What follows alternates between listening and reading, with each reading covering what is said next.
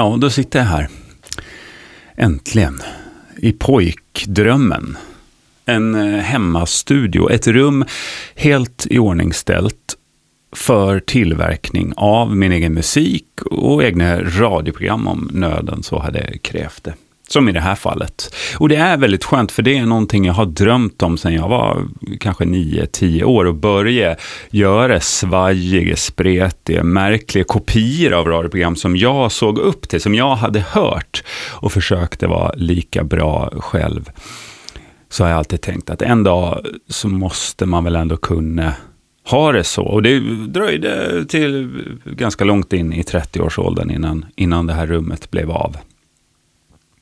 Och det var ett eh, garderobsrum från början. En chockrosa Eh, liten fyrkant eh, som man fick huvudvärk av att vara inuti. Men jag målade om den till punkt och pricka. Det ska vara precis som jag vill ha det. Det är dämpning på väggarna, det fick kosta vad det kosta ville. Det skulle in med dyr utrustning och all skit jag samlade på mig under åren. Och visst, det är inte optimalt. Det är lite trångt och det är inget bra dämpet. Man hör väggarna. Det, det är svårt att göra ljuddämpning. Så att, och det står en gammal sketen skrivare i vägen på golvet som man slår i hela tiden. Och mitt gamla fotbad som jag köpte i vintras när jag började gå mycket och blev iskall om fötterna. Det, det går man liksom hela tiden in i om man ska in och ut genom dörren här. Ja, någon slags kompromiss är ju då mellan drömstudio och eh, förvaring kan man väl säga. Nej, tänkte jag, fan, varenda sommarprat jag lyssnar på handlar om livets kompromisser och fastnar mycket i sin egen form. Det, jag vill inte göra ett sånt, utan oh, vad ska jag ha det här studiobygget till? Vad, vad gör man i sin drömstudio? Jag minns när den här äntligen står klar.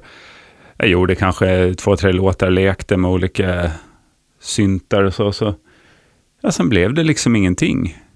Det är natt efter natt som går till GTA och kör på pedestrians på olika trottoarkanter, testar att smälla in i byggnader med olika fordon och skjuter med olika vapen. Istället för att liksom utnyttja den här drömmen. Ja, det, det, åtminstone kan jag ju lägga på ljud då i, i mitt sommarprat. Det, det, är tack vare den här studien som jag kan skapa illusionen och känslan av riktigt genuint svensk sommar med de sommarljud vi kopplar ihop med den perioden av året. Men sen då? Jag menar, studion så som ljudkulissen, det är ju bara ett skal. Vad är innehållet i allt det här? Det blir ju oftast ingenting. Det, det har jag ju märkt, så jag, jag behöver ta hjälp. Och eh, en av mina nuvarande äldsta vänner, eh, det låter som, som folk inte är i livet längre, men så är det inte alls. Men mina barndomskamrater har jag liksom inte kvar i den utsträckningen. Däremot har jag en gymnasievän, eh, Gustav Torssell, som precis som jag gick filmgymnasiet. Han var verkligen genuint intresserad av film. Jag gick mer filmgymnasiet. Det vill säga, jag hade tillgång till redigeringar, kameror och ja, lokaler där man kunde ha både replokal och göra egna små filmer och, och grejer. Men Gustav han var verkligen genuint intresserad av film och är det fortfarande och kommer en dag skriva sitt abnormt framgångsrika manus. Eller var ännu en Beck-film. Vad fan vet han och vad fan vet jag? Ingen aning, men han är extremt intresserad och kunnig och har en egen filmpodcast eh, som heter Titta de snackar. Eh, jag tänker jag ringa upp min vän, manusdoktorn Gustav Torssell, så får han liksom hjälpa mig att göra manuset till mitt sommarprat. Så måste det ju bli såklart. Han kan ju det här med dramaturgi och och liksom olika akter. Hur ska vi binda ihop allting? Hur ska man kunna berätta om någonting på ett vettigt sätt? Ja, jag ringer han. Jag, jag, gör så. Jag, jag har ju några låtar som jag vill spela upp också, som har gjorts då, till, fått sin tillblivelse i den här pojkdrömsstudion. Och jag börjar med att spela upp eh, den första av dem. Eh, jag slår numret till Gustav här så, ja, så gör vi.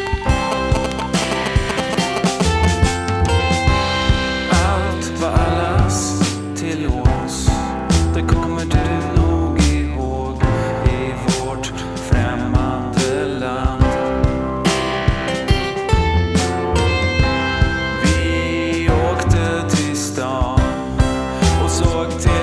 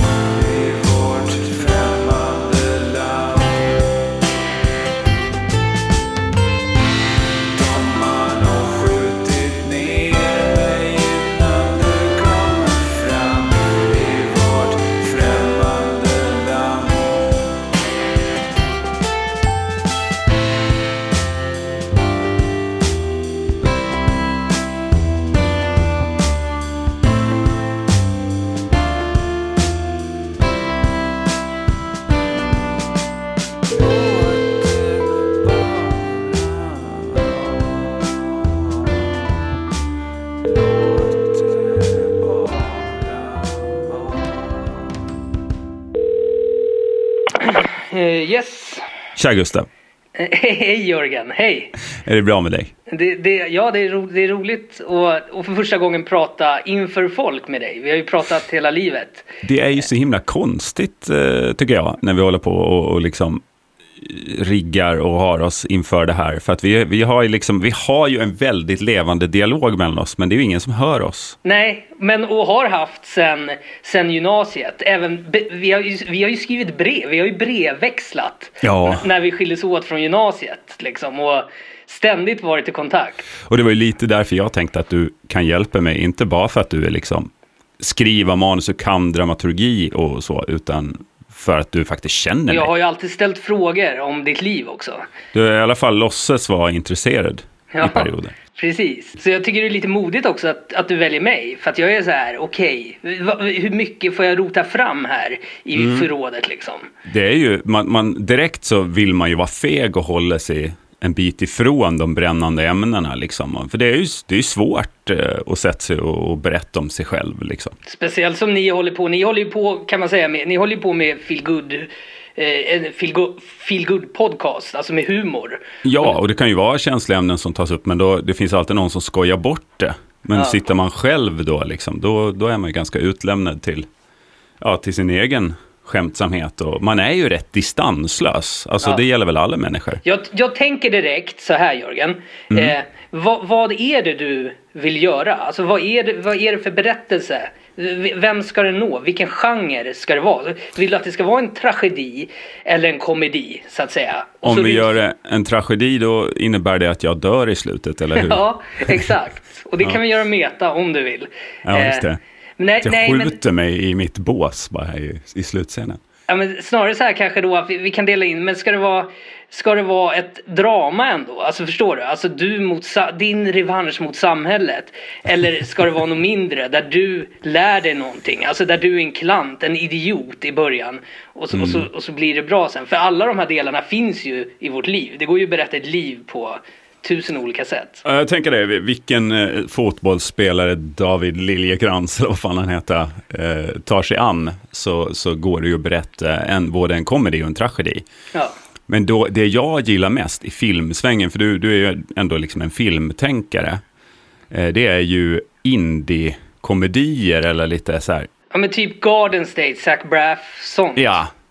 Funny People är en sån här favorit film. Det kanske Nej. inte är så indie, men det är ju en komedi. Ja, men den, den, ja, men den, tonen är indie. Den är lite för dyr och har för många stjärnor för att vara en äkta indie. Men, men sättet den är gjord på är indie. Med, det, det är med Adam Sandler och vem är det? Är det som är med den? Judd Apatow-komedi. Fan, är det Adam Sandler? Jag hatar ju han. Jo, men alla, alla säger att de hatar Adam Sandler och så gör han då och då de här lite allvarliga rollerna och så säger man, men gud, han kan ju också.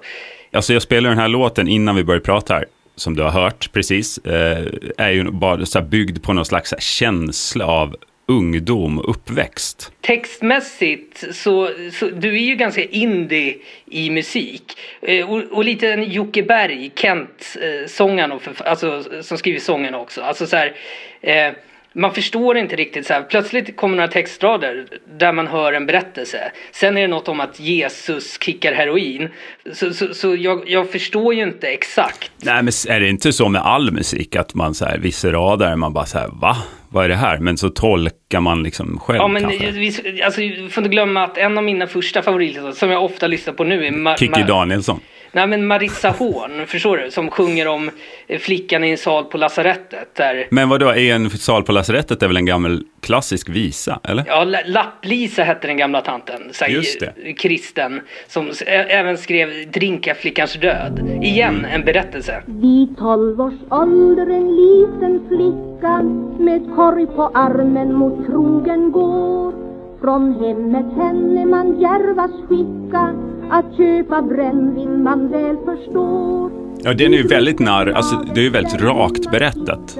Precis. Men jag tänker, jag behöver höra en låt 30 gånger för att bör, liksom börja få min berättelse.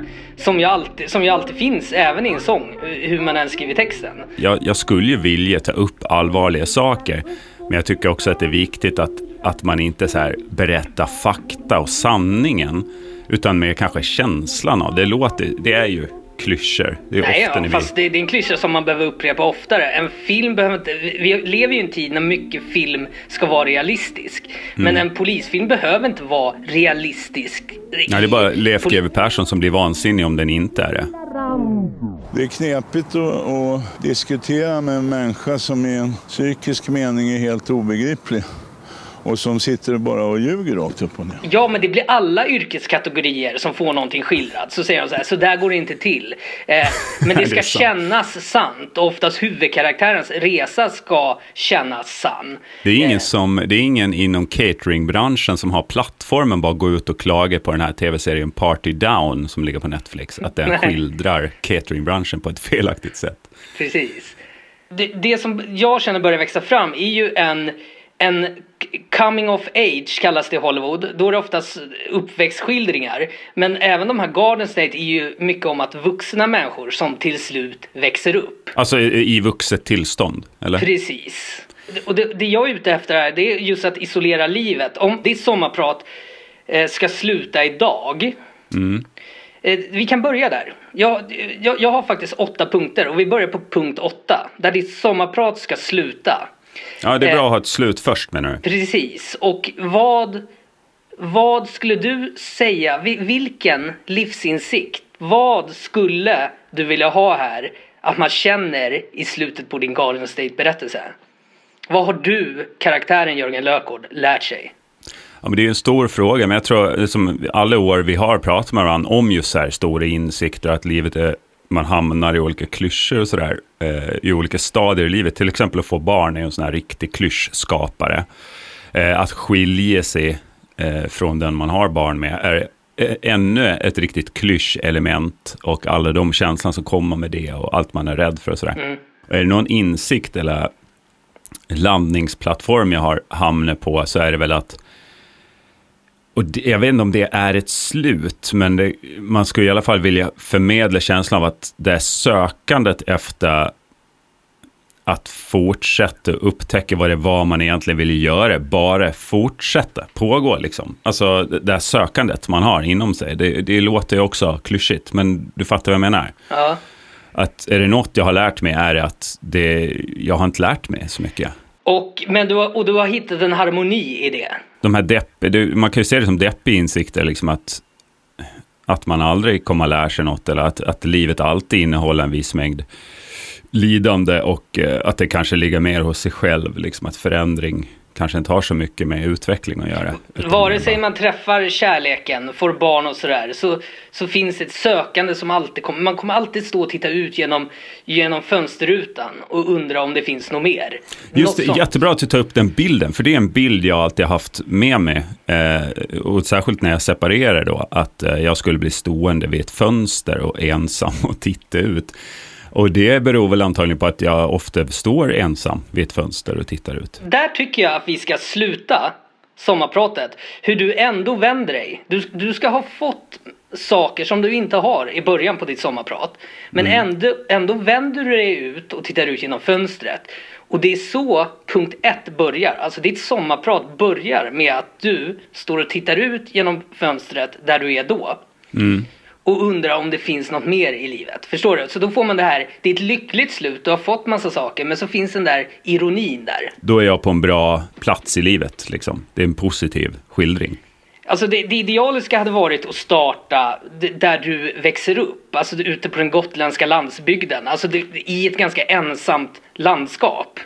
Just det. Och hur du har ju varit eh, på jordbruksbygderna där ute. Precis, jag, jag var där för, första gången, eller enda gången, på gymnasiet och då, jag är uppvuxen i Botkyrka och var den här lilla Stockholmskillen med keps och tyckte det var jätteexotiskt med din lilla bondgård som du har vuxit upp på. Alltså de här f- flugfångarna som var... Det, just det, kommer jag ihåg att du var väldigt fascinerad av. Ja. Eh, och det där har ju slått mig i efterhand också, att det är ju rätt exotiskt. Alltså till och med i Sverige, Mm. barnarbete, liksom fikat ute i, under höskörden, kört sönder en termos med traktorn för att någon har glömt kaffetermosen Ja.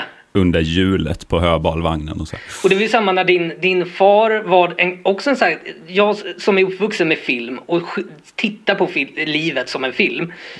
Så var ju han också en sån här ganska klassisk tyst bonde som inte sa så mycket, inte på något otrevligt sätt, utan för att han var, en klassiskt tyst bonde, vare sig det är en rysk film eller en svensk film, så kan man känna igen den karaktären. Och så bjöd Mm, han på en stuvade makaroner och generisk figur verkligen som jag tror finns i alla kulturer. Den tyste mannen liksom som, som är snäll och god men som inte eh, har hittat sitt språk överhuvudtaget. Liksom. Ja.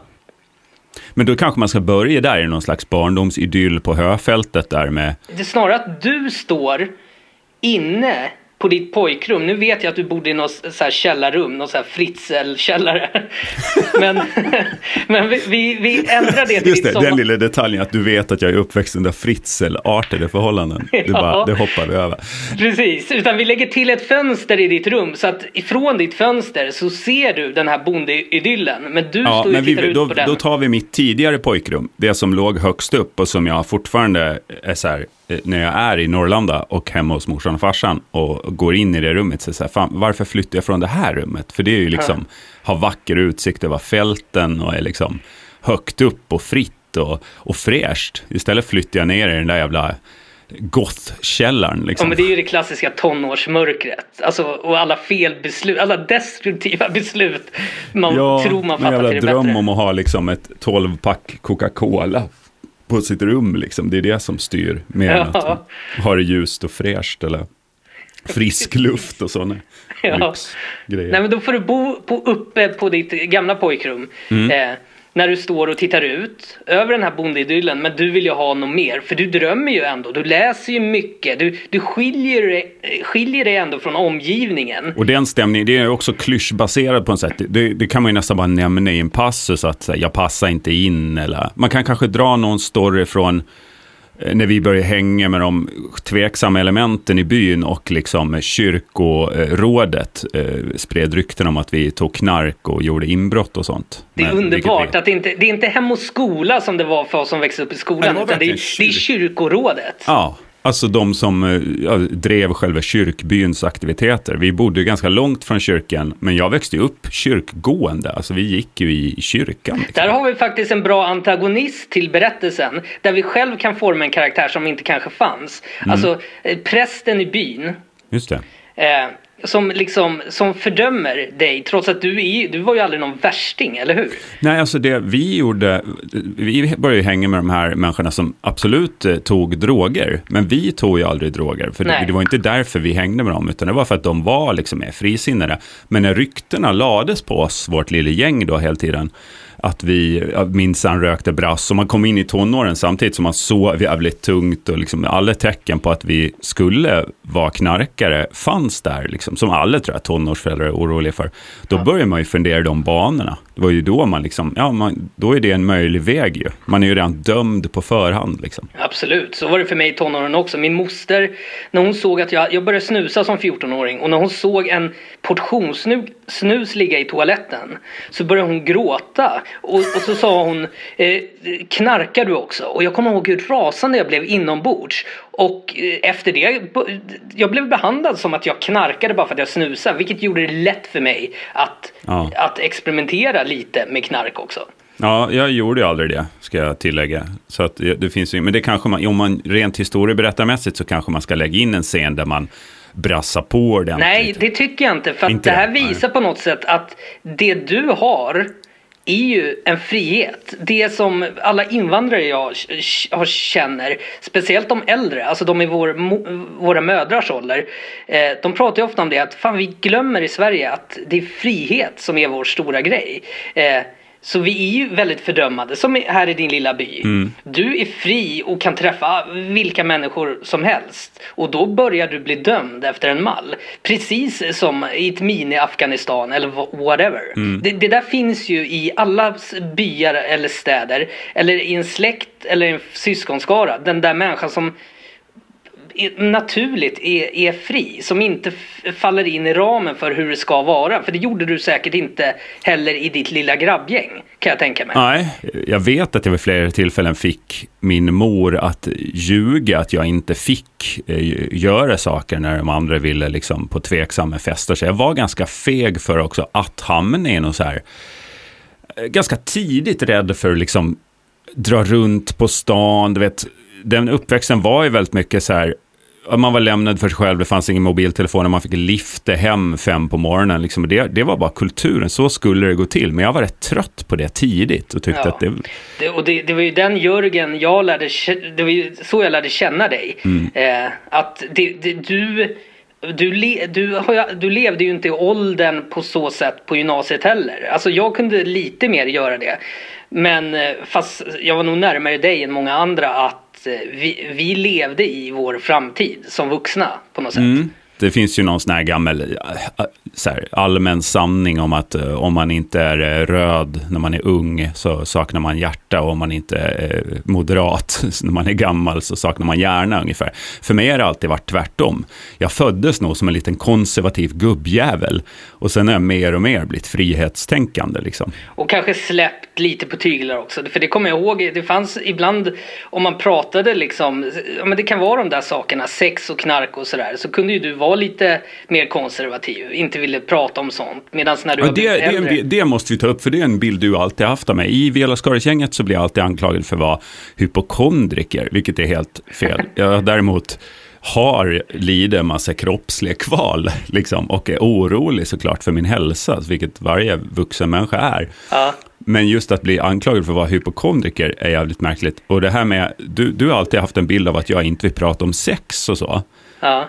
Eh, och, och det är ju korrekt på det sättet att jag hatar grabbighet. Alltså så fort något blir mallat, och det behöver inte handla bara om sex, men så fort man säger, oh nu är vi bara, nu trampar vi runt i förutstakade mönster där vi ska tycka de här sakerna och skryta om de här Men sakerna. våra samtal har ju aldrig varit grabbiga. Det är kanske är därför jag har tänkt att du inte vill prata om det. För att vi har inte, vi, du och jag har ju aldrig någonsin varit grabbiga i vår eh, ton. Nej, fast vi, vi, menar, det är klart man kan lägga sig an med den tendensen liksom.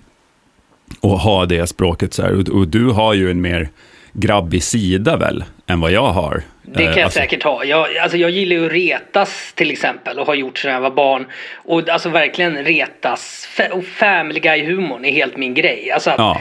jag gillar att skämta om fördomar och allt möjligt. Så att visst. Ja, jag eh, ju, kan ju ofta tycka om jag ser just en amerikansk indie-komedi eh, som vi pratar om nu, eller ja, en amerikansk komedi, förvånas över amerikanernas eviga fascination vid könsorgan och pruttar. Ja, och det, och det, till och med jag kan tycka det är tråkigt. Men den här liksom gymnasietiden när jag, jag uppfattades jag som pryd då av dig? Eller?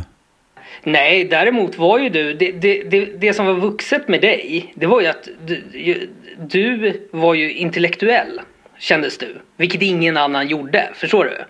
Mhm. Eh, alltså du, du, du kunde saker, alltså så här, och du, bara det, här kommer gubben, du lyssnade på radio. Ja. Det var ingen som lyssnade på radio och lyssnade man på radio så var det så här eh, Energy, alltså musikkanalerna där det började komma in reklam. Eh, men du lyssnade på sån här, du satt i natten och lyssnade på nattradio. Alltså Just det. det. Och det tror jag färgar av sig i den här musiken. Och när jag försöker göra något musik på svenska så blir det ju nattradiokompatibelt. Liksom. Ja. Jag växte upp med radio på det sättet. Alltså radio har ju varit en fostrande och tv. Och det har väl också med det här, liksom, den tysta bonden. Jag, man skulle kunna prata om, liksom, folk gör upp med sina farsor eller liksom faderskomplex och hit och dit. Men jag har ju aldrig haft det, för han, han har liksom inte varit tillräckligt inne och stökat i mitt liv för att jag ska behöva göra något uppror. Nej. Istället för att, eh, eh, gå, att du har joinat tystnaden så har ju du genom radio och tv, för alla har ju vuxit upp med tv, men just det där att du också har tagit till radion visar ju att du behövde eh, stimulansen av att föra en dialog. Även om det var med, med folk som satt i radiohuset, alltså gamla gubbar som satt i radiohuset och pratade mitt i natten till dig där ute i Norrlanda. Ska vi... Eh, Vi går tillbaks, för vi har ju punkt 1 och 8. Mm. Alltså 8 slutar när, när du har liksom hittat det liv du vill leva.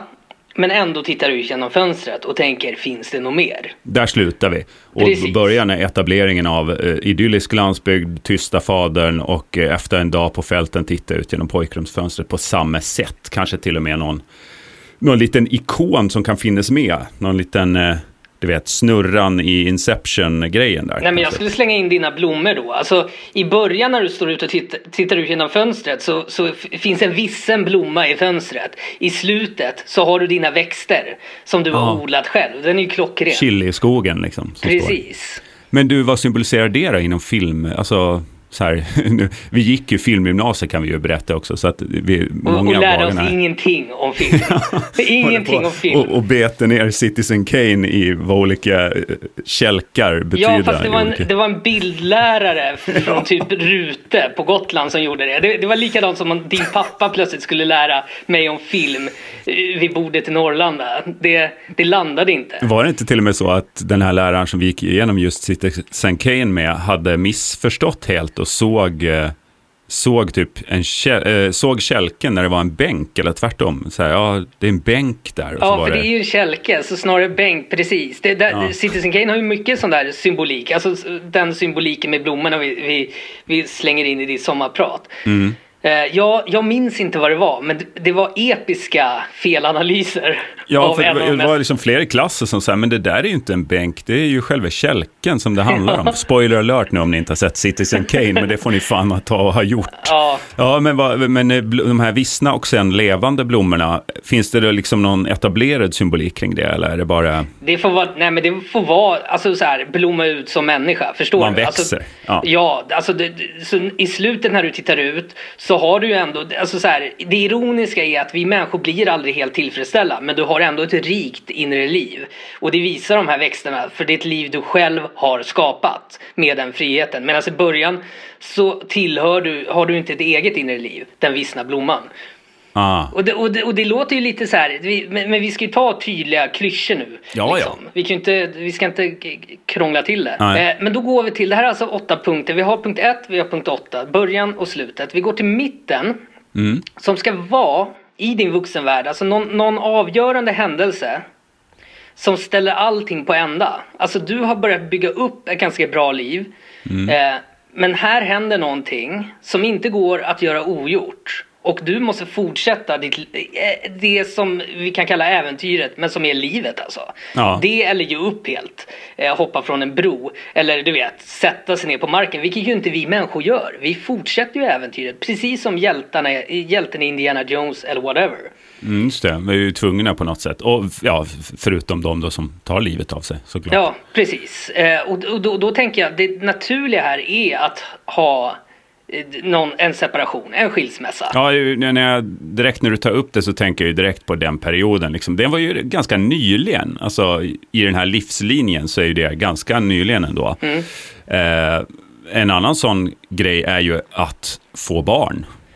Ja, men den är ju positiv. Alltså i så fall, om det ska vara Går det inte att skildra det negativt? Jo, för om du, då, då ska det vara så att när du får barn Ja. så liksom så bromsar det upp ditt liv, förstår du? Alltså, du måste plötsligt anpassa dig. Fram till dess, trots att det har varit eh, svåra lösningar, du börjar plugga, du ska få jobb på radion och allting, så har, det ändå, har, har du ändå haft kontroll på ditt äventyr. Men nu dyker det upp någonting som gör att du inte har kontroll. man vill liksom, det kravet ökar så jävla mycket från samhället att man både ska liksom förverkliga sig själv och sina drömmar och bla bla bla och vara en perfekt förälder. Det här man pratar om, livspusslet, liksom att man, man ska minsann instagramma perfekta middagar men också vara totalt närvarande när barnet är ledset och liksom åker på världsturné med ett rockband ungefär. Ja. Och den, den eh, schismen uppstod ju verkligen för, för oss då, när, när det blev barn. Du, du och barnets mamma. Ja, precis. Alltså jag blev väldigt nedslagen av att jag började liksom säga nej till saker och så. Och det kom, det kom ju bara från mig. Men Ja, för, för jag minns under våra samtal att det är liksom, alltså för det, våra samtal har ju kunnat vara läng, pågå alltså i tre timmar. Och, och var handlar väldigt mycket om smärta. Men någonting som började leta sig in efter att du fick barn var ju den här att ja, men jag är far nu, jag, jag kan inte hålla på och tänka på det och det. Lite som att vi var två gubbar på en kulle och jag kunde liksom bara slita sönder min själ precis som du alltid hade gjort. Men nu var du tvungen att ta hand lite om din själ. Jag kommer inte riktigt ihåg det där som att, att jag liksom... Nej men för, för det var ingenting du sa, stod upp och sa med en jävla studentskylt. Utan det letades in där bara. Jag tror inte du tänkte på det heller. Utan det hade kommit naturligt till dig. Att nu är du far. Och det var någonting viktigt för dig. Men det betyder att du var inte längre, om vi ska återgå till tematiken som finns här i ditt sommarprat. Eh, så var du, var du ju per automatik inte längre fri. För du har fått ett barn, ni är två nu. Eller en hel familj tre, men främst två. Det vill säga, och du, och du har haft den här friheten hela tiden av att inte vara det. Så det här händer väl alla föräldrar. Vare sig man är överlycklig över att få barn eller det kommer helt oväntat. Så det Jag tror, man, jag tror man alltid är både överlycklig och knuffas in i någon typ av kris när man får barn. Och det, jag menar, många har ju skildrat, eh, heter det, Min kamp, eh, Knausgård är väl liksom den som kanske har fått mest genomslag. Och för att ta aktuellt, eh, Lasse Hallström med Magnus Härenstam och Anke Lidén i Jag är med barn. Ja, det är en gammal favoritfilm. Jag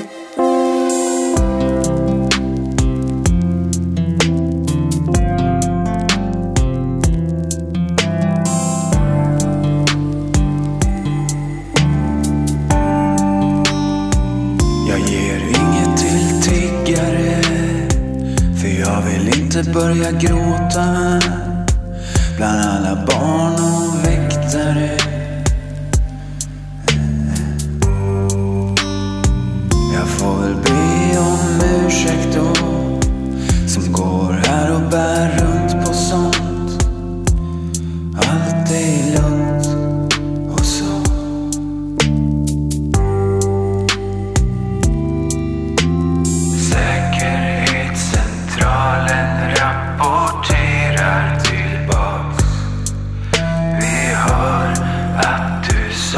Saknar ett barn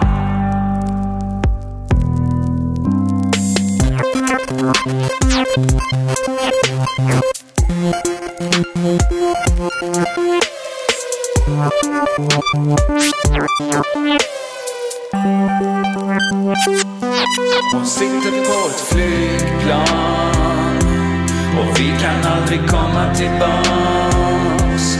Vi måste vara starka.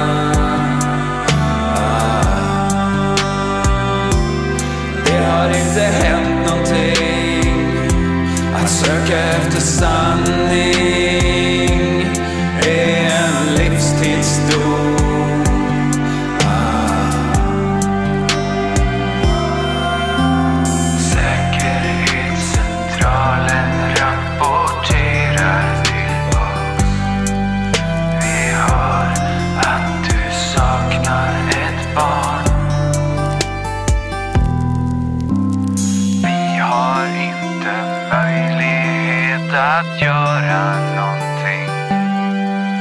Förstärkningen kommer snart.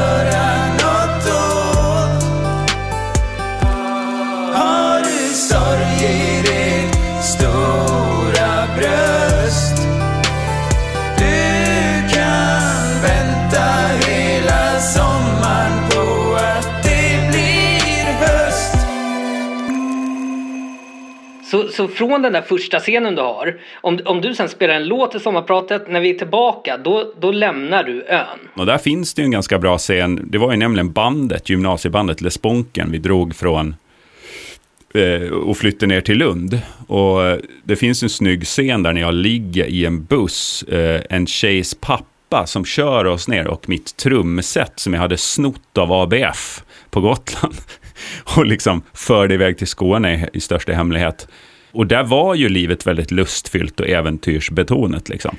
Och fritt, precis. Alltså fullt av frihet. Alltså, det, Mm. det, det, det är en jättebra grej att starta på. Alltså, det, det, du har stulit men okej stulit. Alltså, det är Mm. inte kriminellt att stjäla trumsetet utan det är passionerat. Mm, jag bara, Eh. Vi förde bort det i hemlighet. Jag fick morsan och, och när de ringde från ABF och, och, och säga att jo då, det står kvar här i, i replokalen. Fast det befann sig i Skåne. Då Ja, men det är jättecharmigt. Och det, för det, det finns en gammal så här manus guru som dog eh, relativt ung. Alltså han skrev en hitbok som hette Save the Cat.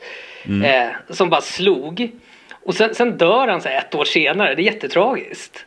Och det var inget eh, som talar för det. Eller det vet inte jag. Jag kände inte honom. Men han pratar i varje fall om att det som börjar nu efter punkt två. Han pratar inte om punkter. Men det är ändå fun and games tiden. Ja. Och, det, och det stämmer ju in även på ditt, eh, på ditt liv här. För jag minns någonting jag fascinerades av under den här tiden när du bor i Lund. Med ett, ett stulet eh, trumset och frihet och kreativitet. Liksom. Ja, det var ju liksom det som var betoningen där. Vi började göra ett tv-program på Lund student-tv utan att vara studenter och vann priser för det programmet. Och, jag menar, allt handlar bara om att hålla sig undan Arbetsförmedlingen, ha så mycket fester som på så lite pengar som möjligt. Och, eh, Och här vill, jag, här vill jag komma åt, för du gjorde en grej som är så jävla som är så skön att ha med en berättelse. För att kunna leva så billigt som möjligt så gjorde du sån här grej som att du köpte ett ciggpaket och så stack du med en liten synål ett pyttehål i plasten och höll det under vatten sen. Skickade tillbaks, skickade ciggpaketet till, och vad kan det vara då? Marlboro. Swedish Match eller någonting. Ja, precis. Och sa fuktskada och så fick du en hel limpa. Vi, vi testade mycket, det var jag och, jag ska inte hänga ut stackars Erik här, han har ju han har ju ett, ett liv inom datorprogrammerarbranschen och, och, och värn om och är flerbarnsfar och sådär. En annan Erik alltså än den i podcasten. För det, Ja, det kanske är viktigt att lägga till. Ja. Ja. Det här var Amerika-Erik kan vi kalla honom. ja, Texas-Erik. Texas-Erik. Vi- Hans pappa hette, eller heter Bill liksom. Så det, Mm, Som ja, man gör i Ja. Precis. Men, och vi, redan på gymnasiet så utmanade vi varandra på så här hur man kunde leva på, på stulen mat och sådär. Till exempel. I, inte det här fina liksom 90-talist-grejen med eh, containerdykar livsstilen liksom, utan Jag har helt snodde det. grejer, Men, ja. helt enkelt. Och eh, utvecklade en slags moralpolitik kring det där, att det var helt okej att göra det. Eh, och, och det vi där i Lund, som du är inne på, vi, vi körde ju också mycket, köpa ölflaskor, slå av en liten flise eh, under, man tog av kapsylen försiktigt, slå av en flise eh, av glaset och skickade in flaskan och bara, men titta, jag kunde ha skärt mig, herregud. Och så fick man presentkort på 120 spänn på, på, från Spendrups eller Prips eller vad det var. Jag hade ju aldrig orkat sånt där. Men jag hade ju också, till skillnad från dig så hade jag en läkarfar. Så att jag sa pappa kan jag låna pengar istället. Exakt. eh, det, det kunde ju inte du. Men vi Eh. hade ju också oceaner av tid. Det är ju det man Ja. känner nu. Jag menar, jag fan jobbar ju mindre idag. Ja, för det känns som att ni, det, även om ni hade varit rika så hade ni gjort exakt samma sak. För att det var det här kreativa, Oceans Eleven-grejen. Alltså att, det, att planera kupp, liksom. kuppen är själva grejen, inte resultatet. Och jag har ju, och det har jag funderat på Gustav, man ska ta upp. Jag har ju faktiskt gjort en riktigt stor kupp i mitt liv en gång. Men den tänker jag att man spar. Om vill du berätta den eller ska vi helt enkelt gå vidare från den? Ja, vi går vidare. Eh, Ja, för det här är ingen kuppfilm, det här är en Garden State liksom. Precis, jag tror vi liksom stryker hela den här grejen, men, men vi har med det här liksom hålla på med snu, sätta in snusdoser i ugnen för att torka ut snusen och skicka in det och få liksom en, en stock snus tillbaka och sådär. Ex- exakt, och det här är liksom, det här är den här första, vad ska man säga, första halvan av akt två i filmen. Alltså det som pågår lite mellan minut 30 och 60. Och här tänker jag att vi rafsar på lite. Att det, det, det, det du berättar om här sen är att du börjar plugga Kalix. Eh, du får jobb på Sveriges Radio. Eh, eh, träffar tjej, blir sambo, liksom får, du vet, får, börjar äga de här bostadsrätterna. Alltså börjar leva det liv du stod och drömde om i början. För då, det som händer i mitten på ditt, det är att du får barn. Och sen blir allting svårare, det blir mer ansträngt. Det leder till punkt nummer fem. Som är... Det är all is lost. Ah. Alltså det vill säga att i en romantisk komedi så tar det, det falska slutet brukar det också kallas i en romantisk komedi. Det tar slut. Man bara väntar på svartrutan liksom efter. Ja, man tänker så här, och man kanske vet att den här romantiska, det kommer sluta lyckligt, men hur fan ska det gå? Och på något sätt är väl det, punkt fem är när, när, när du skiljer dig och Mm. liksom måste bo i en liten lägenhet. Alltså Just så här, och vara en bra far trots att eh, ni har gått igenom en skilsmässa. Det vill säga, det är ju ironiskt bara det. Att, Och det är jävla svårskildret, bara den där perioden känner jag. Alltså för det har jag försökt. Jag skrev jävligt mycket dagboksanteckningar i liksom prosaform då. För att jag ville säga, fan det här måste man skildra på något sätt. Just den här, Ja. som du är inne på. Man, man ska vara en bra förälder, man har massa ansvar, massa tryck från samhället. Och det enda folk säger till en är så här, jo men tänk på, tänk på ditt barn. Man bara, men det är det enda jag gör. Alltså det är det sista någon behöver säga till en ja. i det läget. Man skulle bara behöva hjälp med att bli full eller alltså, så här, ta risker eller vara, liksom, eh, ta hand om sig själv på något sätt. Ja. Men det är därför i filmer så brukar det vara, alltså för det, det är lite punkt 6 här, alltså tiden efter All is lost. The, the, the darkest eh, period in the, i filmen. Och Mm. det brukar oftast skiljas liksom, du vet så här, du, går på höstiga gator. och Ja, det är lite musikcollage liksom. Ja, precis. Alltså så här, det, det är som i, under den här Fun and Games. Alltså i Lund så kan det dyka upp ett glatt musikcollage. Mm. Nu är det ett, eh, sorgsamt. Och där, där du är far, du vet, du, du gungar din dotter liksom. Men, men samtidigt blåser in vinden kallt. Eh, Mm, och höstfärger är mycket. ja, blek och sen sol. lämnar du ditt barn till barnets mor och går hem själv till en liten lägenhet. En Som liten oinredd lägenhet. som liksom, påminner om källarrummet, förstår du? Mm, Pojkrummet det. i Norrlanda. Och Kanske till och med blommor- man kan ha någon, någon eh, lampa eller något som man har sett i det Nej, där. nej, nej, vi har ju symboliken blommorna. Alltså du har ju under berättelsens gång börjat intressera dig för växter. Eh, men i det här lilla rummet nu som du bor, den här lilla lägenheten, där, där kan inte växterna leva liksom. Nej, det är för lite ljus. Ja. Det var ju också ett jävla statusfall för min del från att bo i en stor fet eh, vindsvåning, skilja sig, smälla in sig i en liten skilsmässoetta. Alltså jag, det var verkligen ett område där eh, det var mycket frånskilda pappor som bodde liksom. Det är en lysande visuell bild. Hur man ser alla de här frånskilda papperna som kommer hem själva till små lägenheter och inte no- noterar varandra. Mm, man går förbi varandra i trappuppgången liksom. Exakt, det går in en i varje port. Och eh, den här, eh, det minns jag väldigt tydligt att jag stod just vid fönstret i den där lilla lägenheten och var så ja nu står jag vid det här fönstret som jag har varit så rädd för så länge liksom. Ja, precis.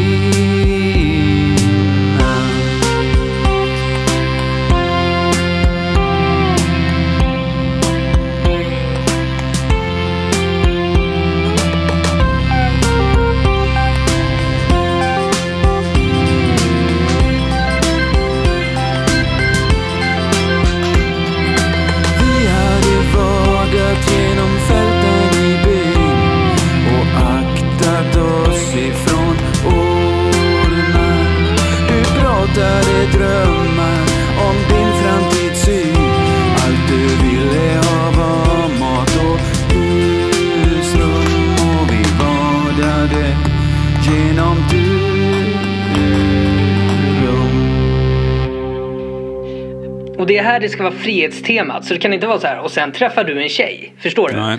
För det blir ett falskt slut. Det blir så här, men det handlar ju inte den här berättelsen om. Det Nej. handlar aldrig om tjejerna och kärleken.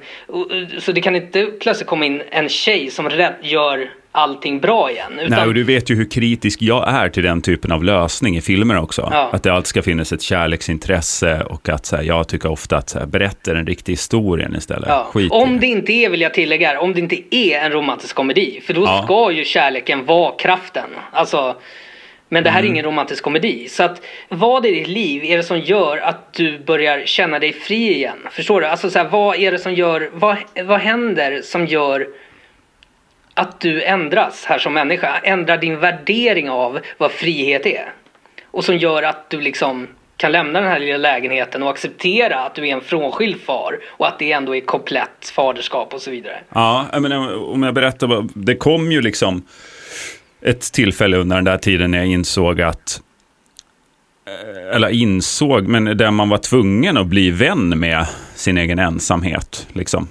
Ja, Och efter det så har jag aldrig haft problem med det. Alltså, man är fortfarande ångestriden och, och liksom kan känna den här skillnaden på att vara ensam eller för sig själv, som, som väl besjungs i I'm not alone but on my own. Jag kommer inte ihåg vilken punkgrupp som sjunger det, men eh, jag Millencolin. Jag känner ju bara till Ma- Maritza Horn. Ja, nej men lite, jag menar så var det på riktigt. Att säga, ja, det är, det är ensam man är, liksom. Och det Men finns... då, då har vi en symbolik som ska in här. Förutom växterna som är en visuell symbolik Mm. så ska vi också få in, det, sen när det här sommarpratet blir klart, eh, en känsla av att du trots allt alltid behöver andra människor runt dig. Förstår du? Mm.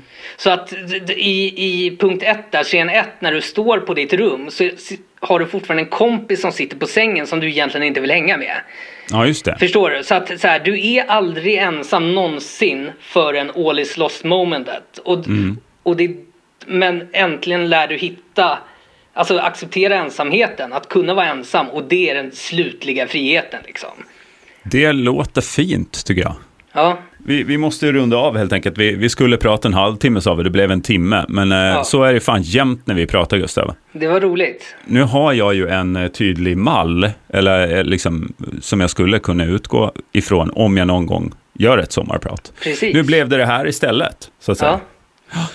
Du, eh, du hör man ju, om man liksom vill höra mer om dina eh, utkristalliserade eh, analyser av film, så har ju du en podcast som heter Titta de snackar. Precis. Jag och en kille som heter Emil pratar om all möjlig film. Och, så- och också så här, under, vi tänker 30 minuter så blir det en timma. Men då är det verkligen bara om filmer. Men inte så här, vi är inga, vi är inga, vi är inga så här Fredrik Salin filmkritiker. Utan vi pratar som man gör eh, om, när man pratar med en kompis om filmer. Hela den här analysbiten av film och så har förstört mycket av filmtittarna, men ni lyckas hålla det på en, en skön nivå där man liksom bara... Ja men om man ska bara veta att det är ens personliga åsikt liksom. Inte vara en sån där pretentiös lärare. För då blir det sådana där kälkmisstag som med Citizen Kane. Men jo men får jag säga också att jag finns, att jag ger ett dagligt filmtips på Instagram. Ja, självklart. Vad heter du på Instagram? Eh, Gurra Torssell hoppas jag. Att, Annars blir det någon som håller på med motorsport och sådär. Men det kanske kan vara intressant det med. just det, man kan blanda intressen. Ja. Att Gurra Torssell alltså på Instagram. Jag heter ju att Lotgard på både Instagram och Twitter om man vill följa min ensamhet där, så att säga, som Det, som är- det det, det, är- det är ingen ensamhet man följer. Du, du är ju snabbt uppe i ganska många likes mot min. Jag postade något idag, då fick jag två likes. Efter det här, vet du, så kommer det följa raketen och ta Precis. fyr. Gå in och följ mig, jag tycker det är roligt. Ja, ha det fint då. Detsamma. Hej! Thank